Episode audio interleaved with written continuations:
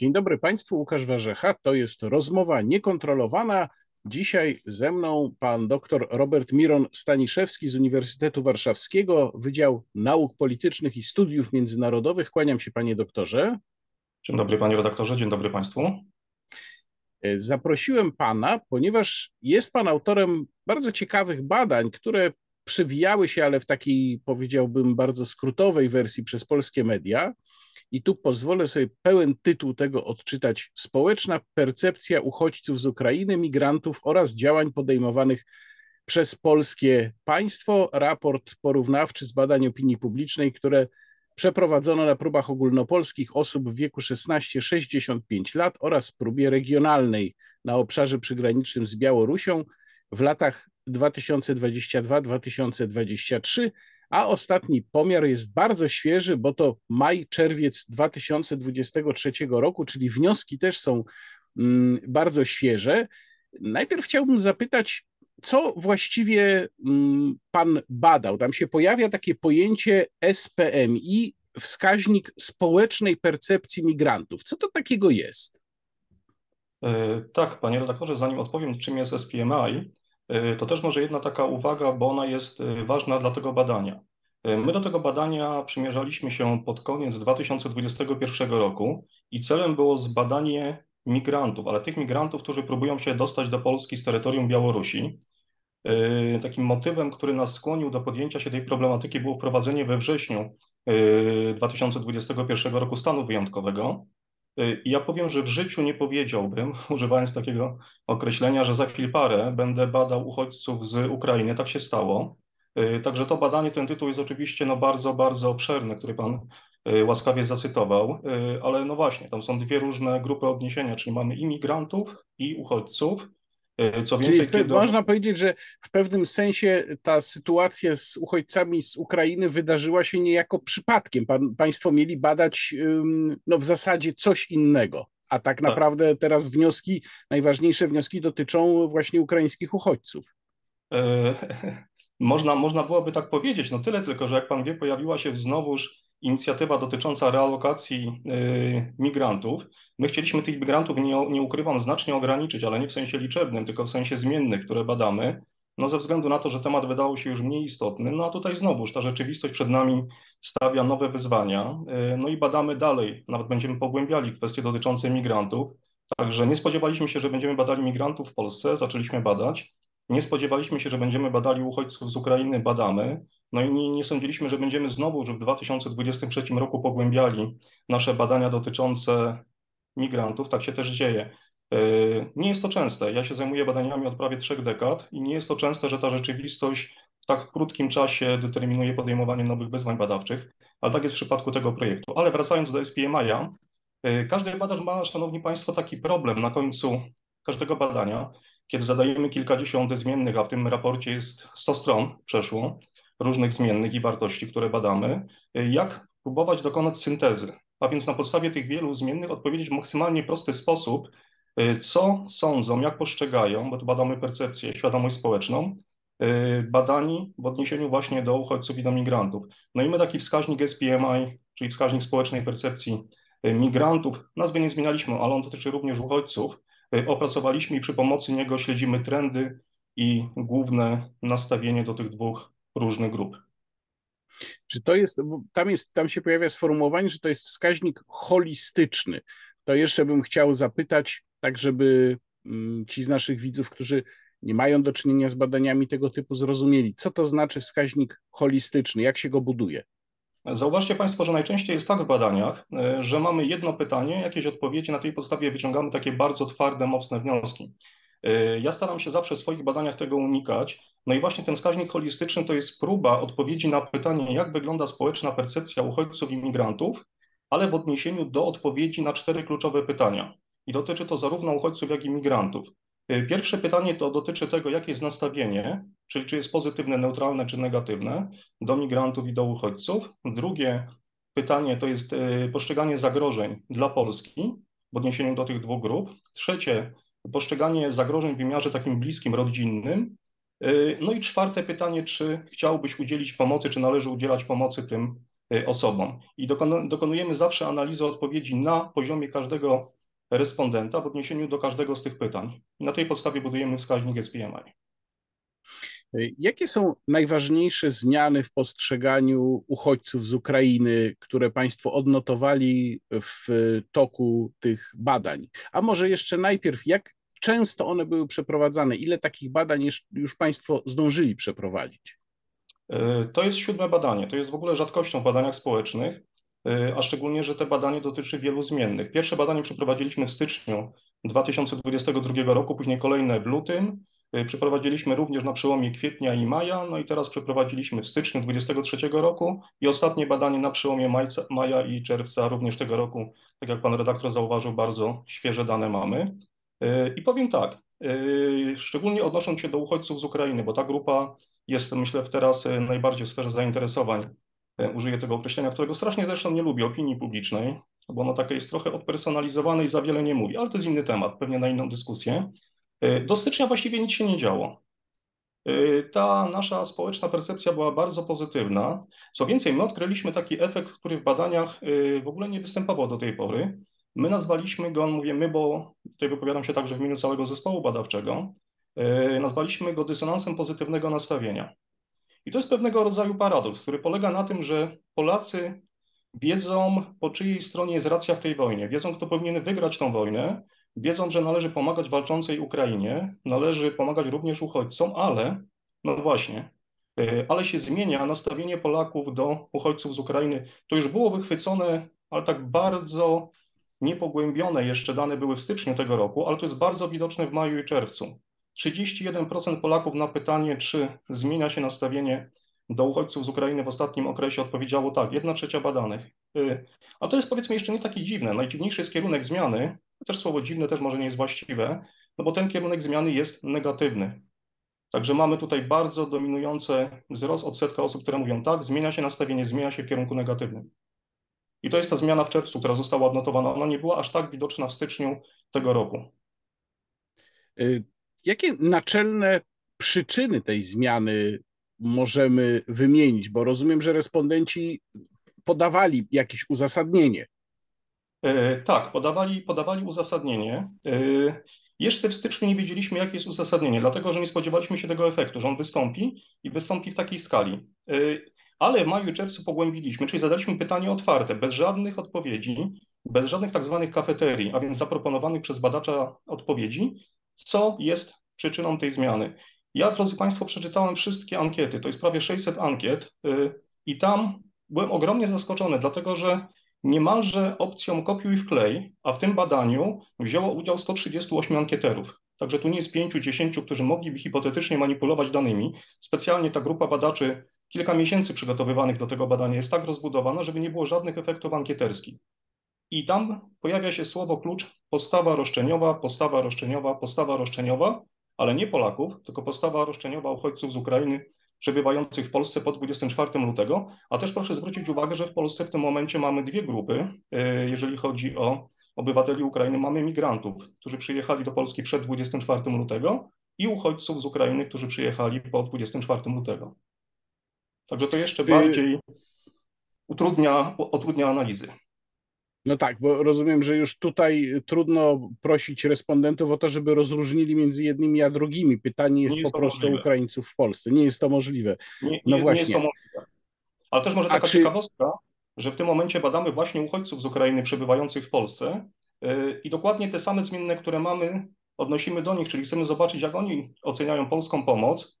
No czy tak jak my oceniamy ją bardzo pozytywnie, no bo to zaangażowanie było widać w polskich miastach, wszędzie praktycznie, nie tylko w lutym i w marcu ubiegłego roku. No i pytanie, czy dokładnie tak samo jak my tą pomoc postrzegają no ci, który, którym ta pomoc została udzielona, czyli uchodźcy z Ukrainy. I Dalej to badanie jest w trakcie, w tak, tej chwili, tak? Bardzo trudne no to... badanie, powiem najtrudniejsze w moim, no użyję tego słowa nielubianego przez Polaków karierze naukowej, najtrudniejsze, z jakim kiedykolwiek się zmierzyłem, chociażby z racji tej, że mamy kilka wersji językowych. Bo proszę pamiętać, że Ukraińcy mówią nie tylko w języku ukraińskim, ale mówią również w języku rosyjskim. I niestety też są bardzo mocne antagonizmy dzisiaj w Polsce pomiędzy Ukraińcami mówiącymi w jednym i w drugim języku.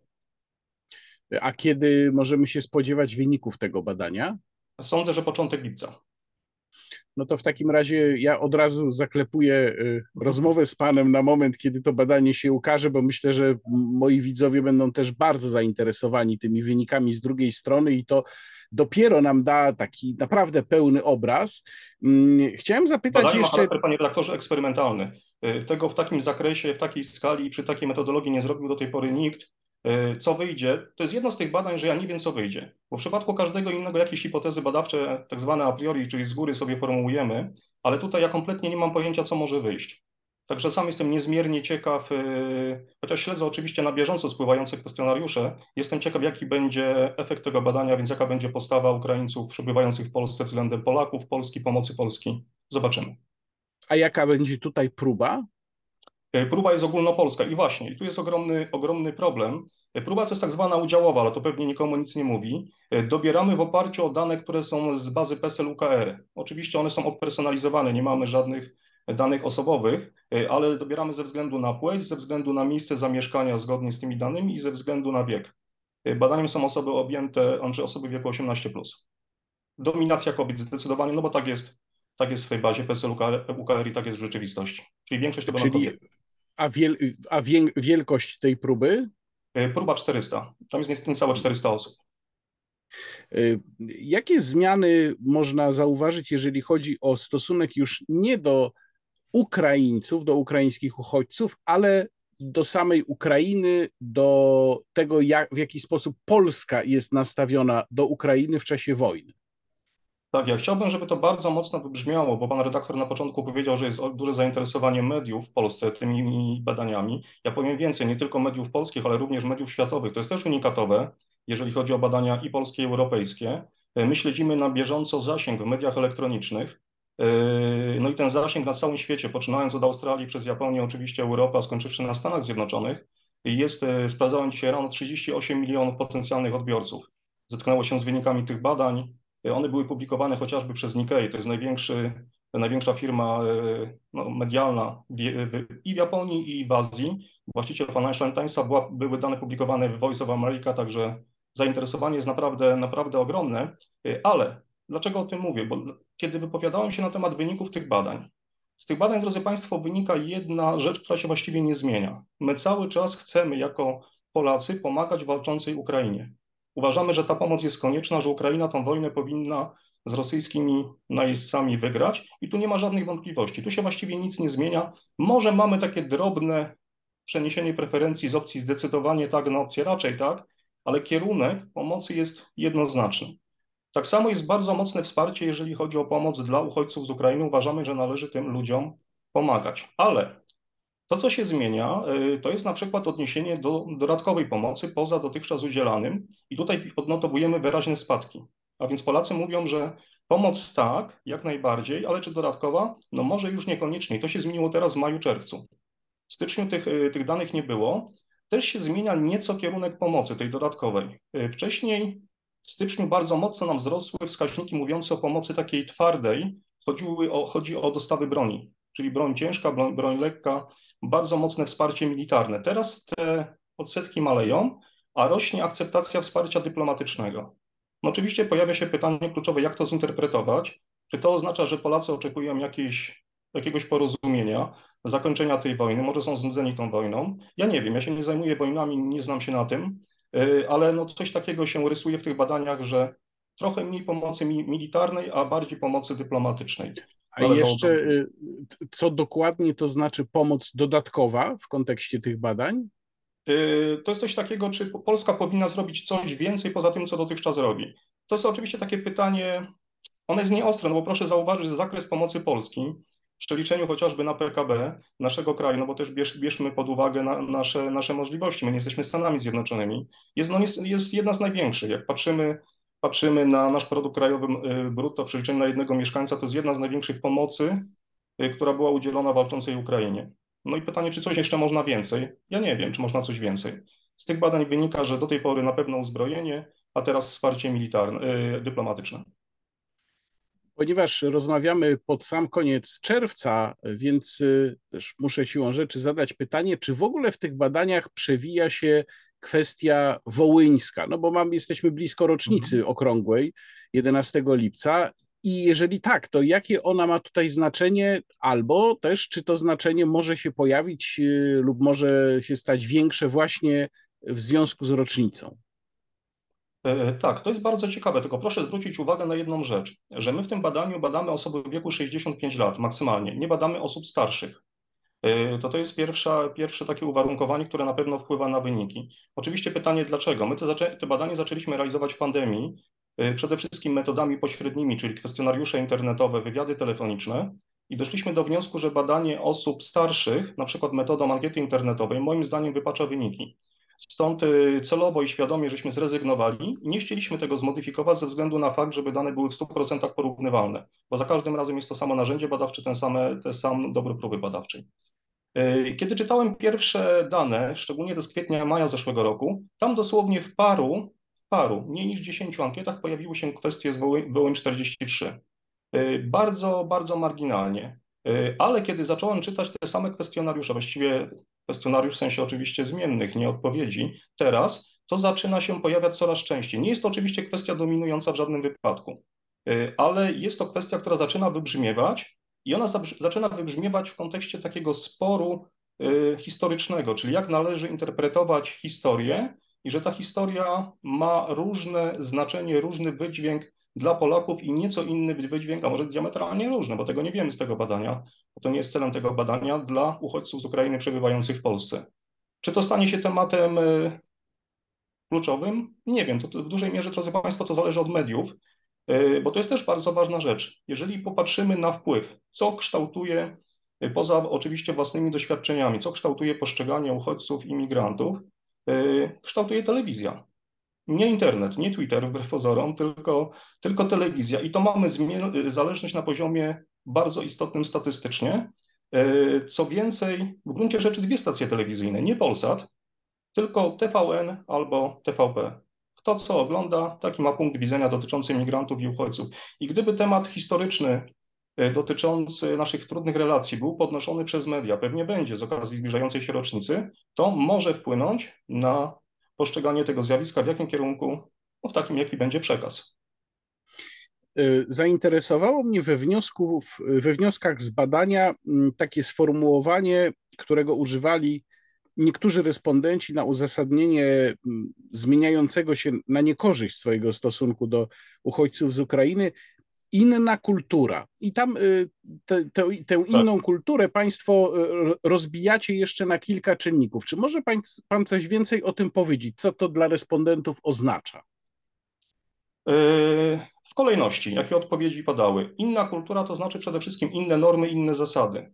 A więc te zasady, które są akceptowane przez Ukraińców przebywających w Polsce, nie są zbieżne z normami, zasadami, które występują w Polsce. I tu znowu się oczywiście pojawia pytanie, co to znaczy? E, no ale takich pytań, które pogłębiamy w kolejnym toku jest wiele i tak samo będzie tutaj, że spróbujemy dookreślić. Kolejna kwestia to jest inna religia, inna wiara, ale ona ma bardziej charakter opisowy, nie taki pejoratywny, że to nie, nie znaczy, że ta wiara prawosławna jest gorsza czy lepsza, tylko po prostu jest inna. E, w kolejne, trzecie, trzecie wskazanie pod względem liczebności, brak kultury osobistej e, i kolejna postawa roszczeniowa. Pomimo tego, że pytanie nie dotyczyło postawy roszczeniowej, Gdybym miał odpowiedzieć, co wpływa negatywnie na postrzeganie uchodźców z Ukrainy przebywających w Polsce, odpowiedź moim zdaniem tutaj jest jednoznaczna. Postawa roszczeniowa. Oczywiście my znowuż zadaliśmy pytanie, co to znaczy postawa roszczeniowa. No bo to wybrzmiewało w naszych badaniach, szczególnie wśród zagrożeń tych w wymiarze ogólnokrajowym. Nie wiedzieliśmy, co to znaczy. Było znowuż słowo klucz, postawa roszczeniowa. Yy, I tutaj znowu wybrzmiewają dwa ważne elementy. Pierwszy, yy, nam się wszystko należy. I też to jest taka kalka, że w wielu kwestionariuszach dokładnie ten sam zwrot został użyty, a przypominam, badanie realizowane jest przez różnych ankieterów. Także nie ma możliwości, wszystko jest skodowane, nie ma możliwości y, spisywania, tak jak czasami bywa na lekcjach w niektórych miejscach.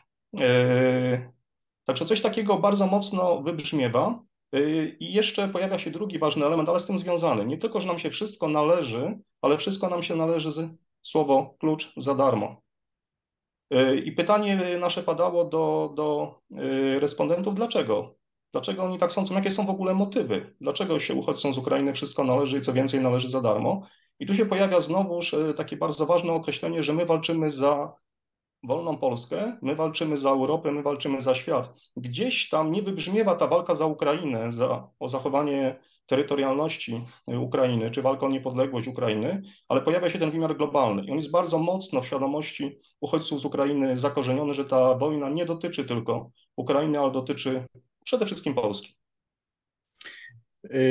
Jak zmieniły się postawy, jeżeli w ogóle, dotyczące osiedlania się Ukraińców w Polsce? Pytam o to również dlatego, że no to była y, zdaniem wielu motywacja tego, żeby podjąć taką akcję nie tylko przyjmowania uchodźców, bo to jest oczywiste, ale przyjmowania ich właśnie do domów, y, próba nakłonienia ich, żeby pozostali. No, na przykład mój stały tutaj y, rozmówca Antoni Dudek w naszym programie Podwójny Kontekst zawsze do tego wraca i mówi, że to będzie sposób na polską demografię. Mm, dlatego właśnie o to pytam. Jak tutaj zmieniły się postawy? Tak, ja, ja, nie będę się wypowiadał, czy to jest sposób na polską demografię, czy to jest sposób na naprawę polskiego systemu emerytalnego, aczkolwiek mam swoje zdanie na ten temat, co więcej się tym zajmuję, ale to nie wynika z tego badania.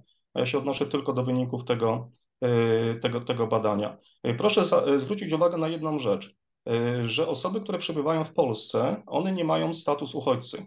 One zostały objęte ustawą o pomocy obywatelom Ukrainy, a co za tym idzie, mają PESEL UKR, który upoważnia, uprawnia ich do nabywania różnego rodzaju świadczeń, które są oferowane w Polsce, ale to nie ma związku z ochroną międzynarodową. To jest jedna różnica. E, druga różnica, że są ogromne przepływy pomiędzy Polską a Ukrainą. Kiedy tutaj Straż Graniczna podaje dane mówiące o 11-12 milionach osób, które przemieszczają się między Polską a Ukrainą, to nie mówimy o 12 milionach uchodźców z Ukrainy. To są osoby, które przyjeżdżają do Polski i z Polski wyjeżdżają. Tego w przypadku kryzysu migracyjnego w Niemczech nie było. No i pojawia się pytanie kluczowe, do którego pan redaktor nawiązał. Y, co na to Polacy? No Polacy na początku mówili, tak, oczywiście mogą zostać. Tych, którzy mówią, że nie, Polska nie powinna przyjmować, y, no można powiedzieć, jest w granicach błędu statystycznego, to jest 5%. To się nie zmienia. Także tych bardzo niechętnych przyjmowaniu uchodźców z Ukrainy jest niewielu, ale zmienia się sposób patrzenia na Y, przyjmowanie. To znaczy, że y, mamy coraz mniej osób, które mówią tak, mogą tu zostać, się mogą osiedlać, a te przeniesienie jest tak, mogą tu zostać, ale do momentu, kiedy zmieni się sytuacja w Ukrainie, zostanie zakończona wojna, no i wtedy oczekujemy jednak, że, i to jest dominująca odpowiedź dzisiaj, że Ukraińcy wrócą do swojego państwa. A jakie wnioski możemy wyciągnąć z tych pytań i odpowiedzi, o których przed chwilą mówiliśmy, czy może bardziej ogólnie z całego badania, jeżeli chodzi o y, integrowanie się Ukraińców w polskim społeczeństwie? Oj, strasznie trudne pytanie. Na podstawie wyników tego badania y, ja nie jestem w stanie odpowiedzieć, czy, czy mamy, mamy do czynienia, czy nie mamy do czynienia z integrowaniem. E, no ale kiedy patrzymy na te pytania otwarte, e, na postawę roszczeniową, inne, inną kulturę, inne zachowanie, inne interakcje, no to wydaje się, że tu są jakieś problemy i one raczej nie są marginalne, ale ja, drodzy Państwo, zadałem takie pytanie w tym badaniu dotyczącym Ukraińców teraz, które realizujemy, czy chcą się z nami integrować, z polskim społeczeństwem.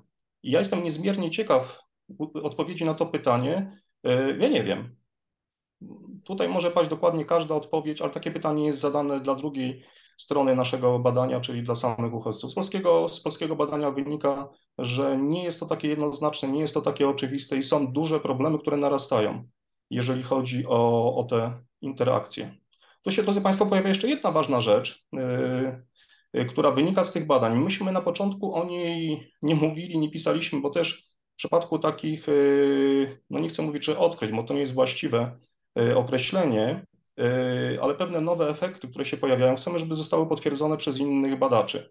I tak się stało przez yy, IBRIS i przez CEBOS. Chodzi o nastawienie polskich młodych kobiet do, do uchodźców, a tak naprawdę uchodźczyń z Ukrainy. I w tym naszym badaniu to bardzo mocno wybrzmiewa, że młode Polki, te, które mają do 29 roku życia, akurat jest taka tutaj linia podziału ze względu na wiek, z wykształceniem średnim, wykształceniem policealnym mają o wiele bardziej negatywne nastawienie do uchodźców, uchodźczyń z Ukrainy, niż wynika to, y, jest y, charakterystyczne dla całego społeczeństwa. No I to rozumiem, y, ma związek pewnie głównie z tym, że wśród uchodźców jest tak duża reprezentacja kobiet. Znaczy, tak, kobiet ja to odczytuję... w tym samym wieku. Mhm. My zadaliśmy oczywiście pytanie otwarte. Dlaczego? Dlaczego tak jest?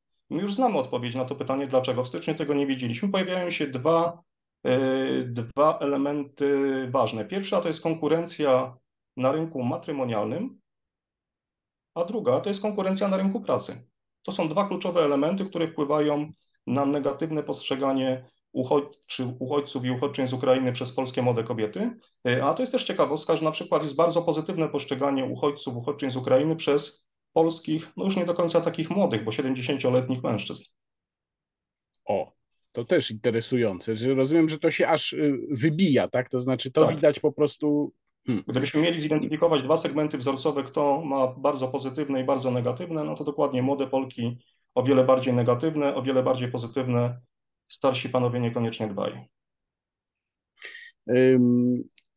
Chciałem zapytać o mm, y, kwestię traktowania migrantów, bo pan powiedział wcześniej, że to badanie miało dotyczyć w ogóle migrantów.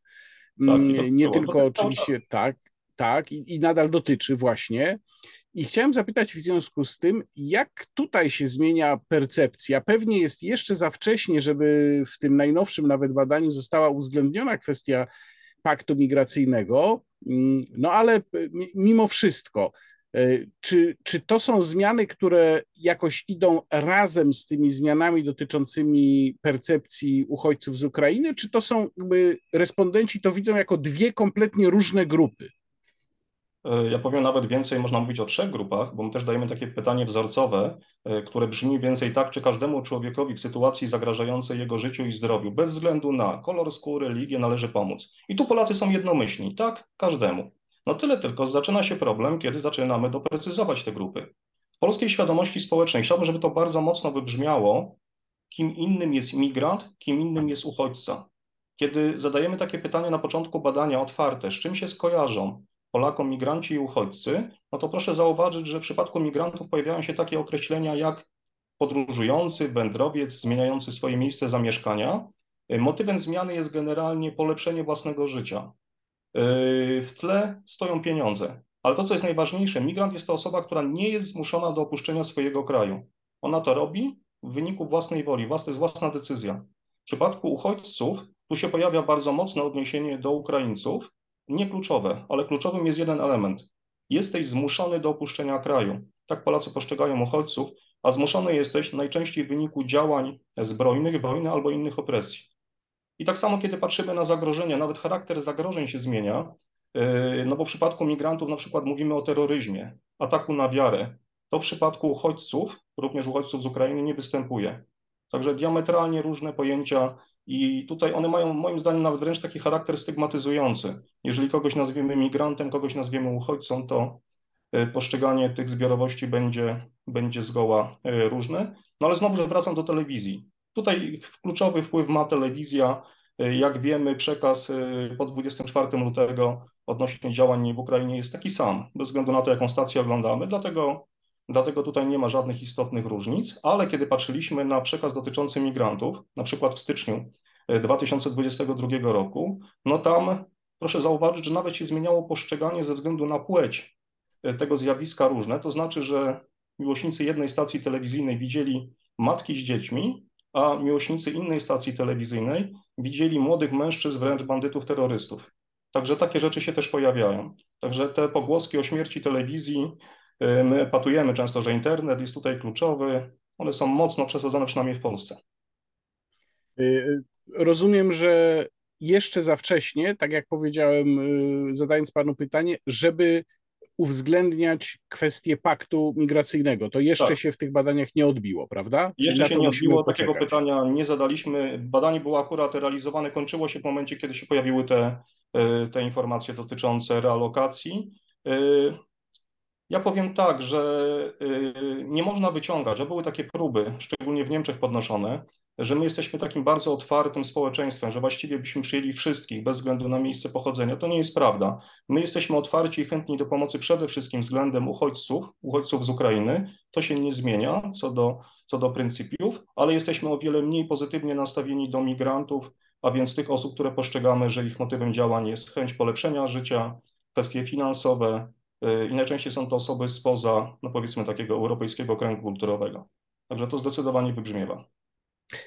Wiem, że to jest sprawa, która w badaniu no, nie jest ujęta, ale mimo to chciałbym Pana zapytać, czy Pańskim zdaniem mm, jakiś wpływ na tę zmianę w kierunku negatywnym niektórych mhm. Y, czynników dotyczących, niektórych wskazań dotyczących uchodźców z Ukrainy może mieć, y, jakby to ująć, no pewnego rodzaju jednak propaganda, w, w takim sensie, że respondent, y, czy po prostu Polak, E, bo przecież respondenci są reprezentantami Polaków, mm, z powodu pewnego jakby przymusu określonej postawy, który jest mu sprzedawany przez cały czas, może e, zareagować wręcz przeciwnie, może zareagować odrzuceniem takiej postawy. Oj, tych paradoksów dotyczących opinii publicznej jest tak wiele w badaniach. E, na pewno wpływ mediów jest kluczowy. Y, proszę zauważyć, że kiedy w styczniu pojawiła się ta zwiększona, ta zwiększona akceptacja dla ciężkiego, ciężkiego uzbrojenia dla Ukrainy, no przecież to też nie był przypadek. To dokładnie się pokrywało z czasem, kiedy w mediach, polskich mediach bardzo mocno podnoszono kwestię, że polski rząd jest ambasadorem Ukrainy, jeżeli chodzi o pozyskanie czołgów, samolotów i to znalazło bezpośredni y, oddźwięk w tych, y, w tych badaniach. Także no tutaj niewątpliwie taki wpływ, wpływ będzie, no bo teraz skąd jest ta zmiana nastrojów? No z jednej strony oczywiście mamy interakcje, one są na pewno kluczowe, no ale też proszę zauważyć, że dokładnie czas, kiedy realizowaliśmy badania, e, to jest czas, który się pokrywa z informacjami z mediów dotyczącymi e, problemów z importem czy eksportem, w zależności od której strony patrząc e, zboża i tam paru jeszcze innych rzeczy, które się pojawiły w Ukrainie i to będzie rzutowało i rzutuje na, na, na percepcję, aczkolwiek z naszych badań wynika jednak bardziej, że jest to efekt interakcji, relacji bezpośrednich niż wpływu mediów. Bo na przykład nie ma żadnej korelacji pomiędzy wpływem internetu na, na postawy społeczne, a wydawałoby się, że, taki, że taki, taka interakcja powinna być. Tego nie ma. W takim razie czekamy po pierwsze na kolejne badania z tego cyklu, bo rozumiem, że będą, tak, za kilka miesięcy. Tak, ja, ja lubię takie pytanie na koniec, y, ile my planujemy tych badań. Ja zawsze odpowiadam, że chciałbym jak najszybciej zakończyć. Chciałbym, żeby się wojna zakończyła, chciałbym, żeby problem też dotyczący migrantów jakoś został rozwiązany, ale wiem, że to nie nastąpi. Znaczy, co do wojny to nie wiem, bo się na tym nie znam, ale jeżeli chodzi o kwestie dotyczące migrantów, na pewno nie. Także wszystko wskazuje na to, że te badania będziemy realizowali. Kolejny pomiar planujemy na grudzień, początek stycznia. Yy, a jeżeli chodzi oczywiście o uchodźców z Ukrainy, badanie w tym momencie trwa i tak jak pan redaktorowi tutaj sygnalizował mi państwu, na początku lipca powinniśmy mieć e, wstępne, wstępne dane i zobaczymy, zobaczymy, co wyjdzie.